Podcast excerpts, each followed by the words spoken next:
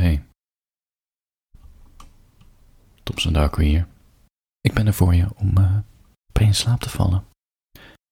Alsof ik naast je op het kussen ligt, lig en in je oren fluister en gewoon wat vertel over mijn dag en mijn geschreven teksten voorlees en alles waar mijn hoofd mee bezig is, dat ik dat gewoon eventjes uh, uitspreek.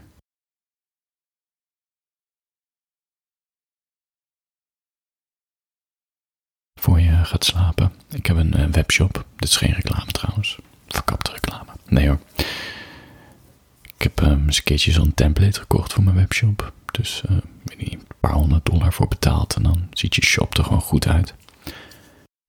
Simpel, maar aantrekkelijk. En daar zet ik mijn boeken in die ik verkoop. En merchandise. Postertjes en kaarten en stickers. Als je een boek natuurlijk toevoegt, ja, dan moet ik opeens mezelf gaan verkopen. En ik denk dat ik de afgelopen jaren die verkooptekst echt al honderden keren heb, heb gewijzigd. En niet in als een soort hele motiverende tekst waarom jij het boek moet kopen.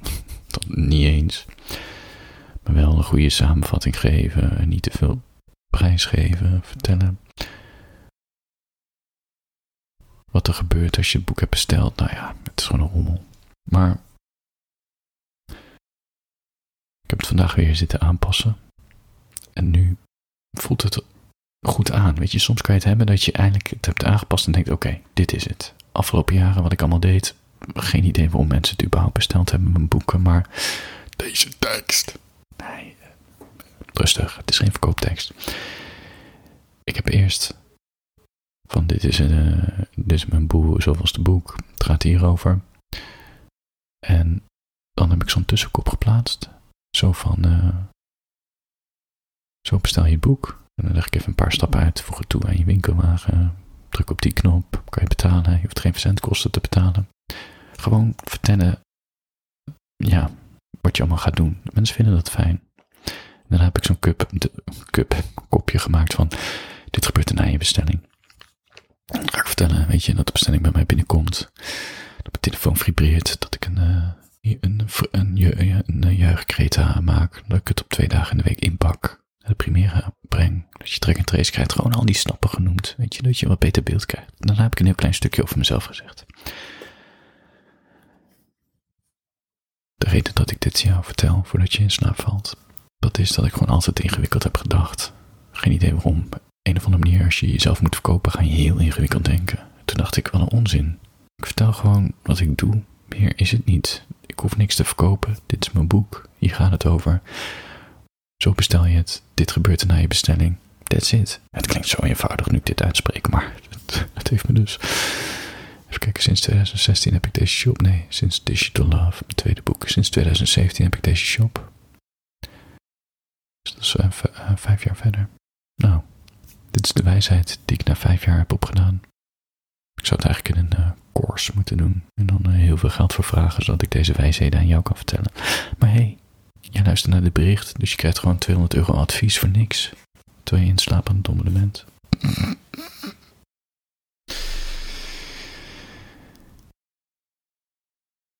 Vertel wat je weet, zeggen ze. Het geheim van het internet. Vertel wat je weet. Ja, ik ben een kunstenaar, dus dat gaat bij mij niet helemaal op. Klein beetje. Goed, voor je gaat slapen. Um,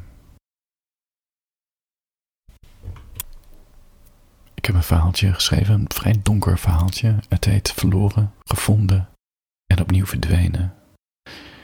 Ik heb dit in mijn tekstboekje geschreven met de hand en ik kan me zo goed herinneren op welke pagina dit staat ja, maar hoe dat werkt in het geheugen. Als je gaat schrijven met de hand, dat je de setting onthoudt. Te vaak als ik dingetjes typ, dan heb ik daar geen actieve herinnering meer aan, me. Goed, hoe je gaat slapen. Ik wou dat je dood was, zodat ik je kan vergeven en vergeten. Wat zie je bleek, meisje, zei mama. Je lijkt wel een lijk. Huh, dit was de grap. Ik was de dode geworden, maar ik ademde nog steeds.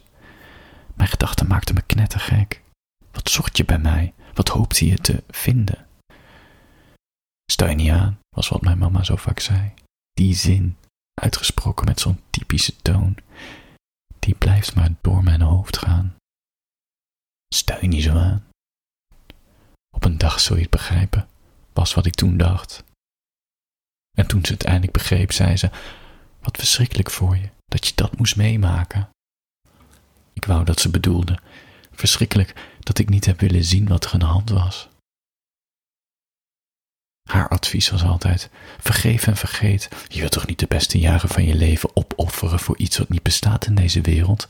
Gerechtigheid zie je alleen maar in films, meisje. Het leven is bitter, meisje. Zo bitter. Verloren en gevonden. Zo vatte je onze ontmoeting samen. Het begin van ons. Het enige wat ik kon was geven, geven, geven al mijn liefde en aandacht. Jij maar lieve woorden terugantwoorden, hopend dat je kreeg wat je liefst wilde doen met mij. Het is ingewikkeld, zei ik nog. Geef me de tijd om me lichamelijk te openen voor je. Wou dat er alcohol in het spel was, of dat mijn rok te kort was. Ik wou dat ik kon bewegen, wat kon zeggen, het kon uitschreeuwen, je kon krabben verloren, gevonden en opnieuw verdwenen. Ik wou dat het bij die ene keer bleef. Er volgden nog drie jaar. Waarom is je oog blauw, meisje? Een ongeluk, zei ik, hopend dat ze het zou zien. Zodat ik het kon zeggen. Hij mishandelt me, hij verkracht me, hij misbruikt me, hij praat slecht over me. Toen ik eindelijk het lef had om te zeggen: Hij doet me pijn, ik wil niet meer, zei je: Steun niet zo aan, hij heeft een goede baan, hij is lief, niemand is perfect, jullie komen er samen wel uit, geef hem nog een kans. Ja, genoeg kansen gegeven, tot je verdween. Dat was het ergste. Niet ik stopte ermee, maar jij, voor een ander. Maar ik ben opgelucht, echt opgelucht en onzeker of het zich nog een keer zal herhalen bij een ander. Zo onzeker.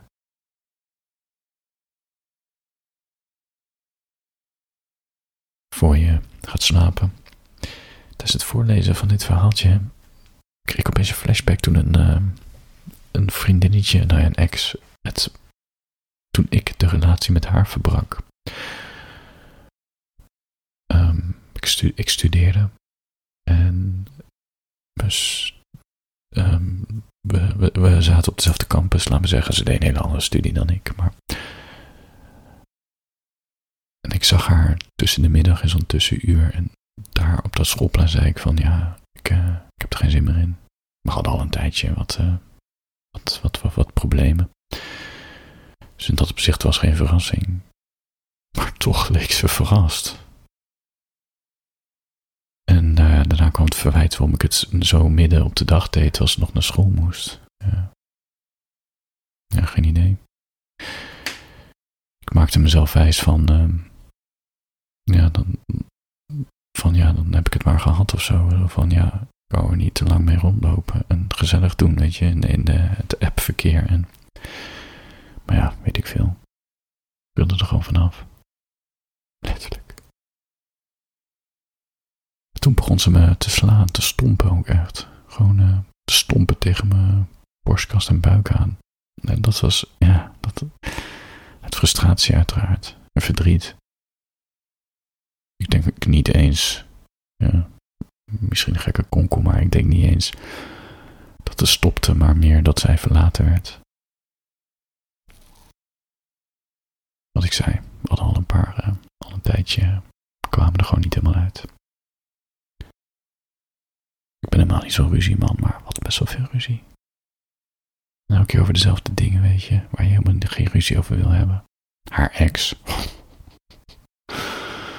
Oh, en ik ben niet eens een jaloers type, moet je nagaan. Ze begon zo te stompen naar en ik zei echt van, hé, hey, dat moet je dus niet doen. Gewoon, ja, heel directief en Volgens mij wilde ik haar nog knuffelen, maar ze duwde me uiteraard van zich af. Wat ik ook snap.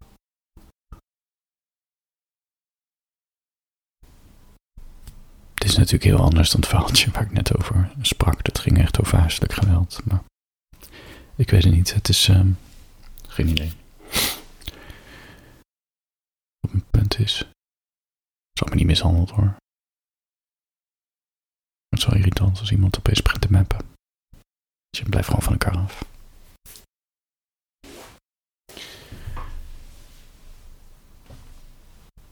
Voor je in slaap dommelt. Handjes boven de tekens. Zat te denken, ik heb eens een keertje een. Uh, ik denk een jaar, twee jaar geleden. Een verhaaltje over, uh, over rukken geschreven. En ik twijfelde altijd om het online te gooien, omdat het best wel, ik weet niet, best wel expliciet is of zo. Maar misschien moet ik het gewoon de volgende keer gaan voorlezen. Cliffhanger.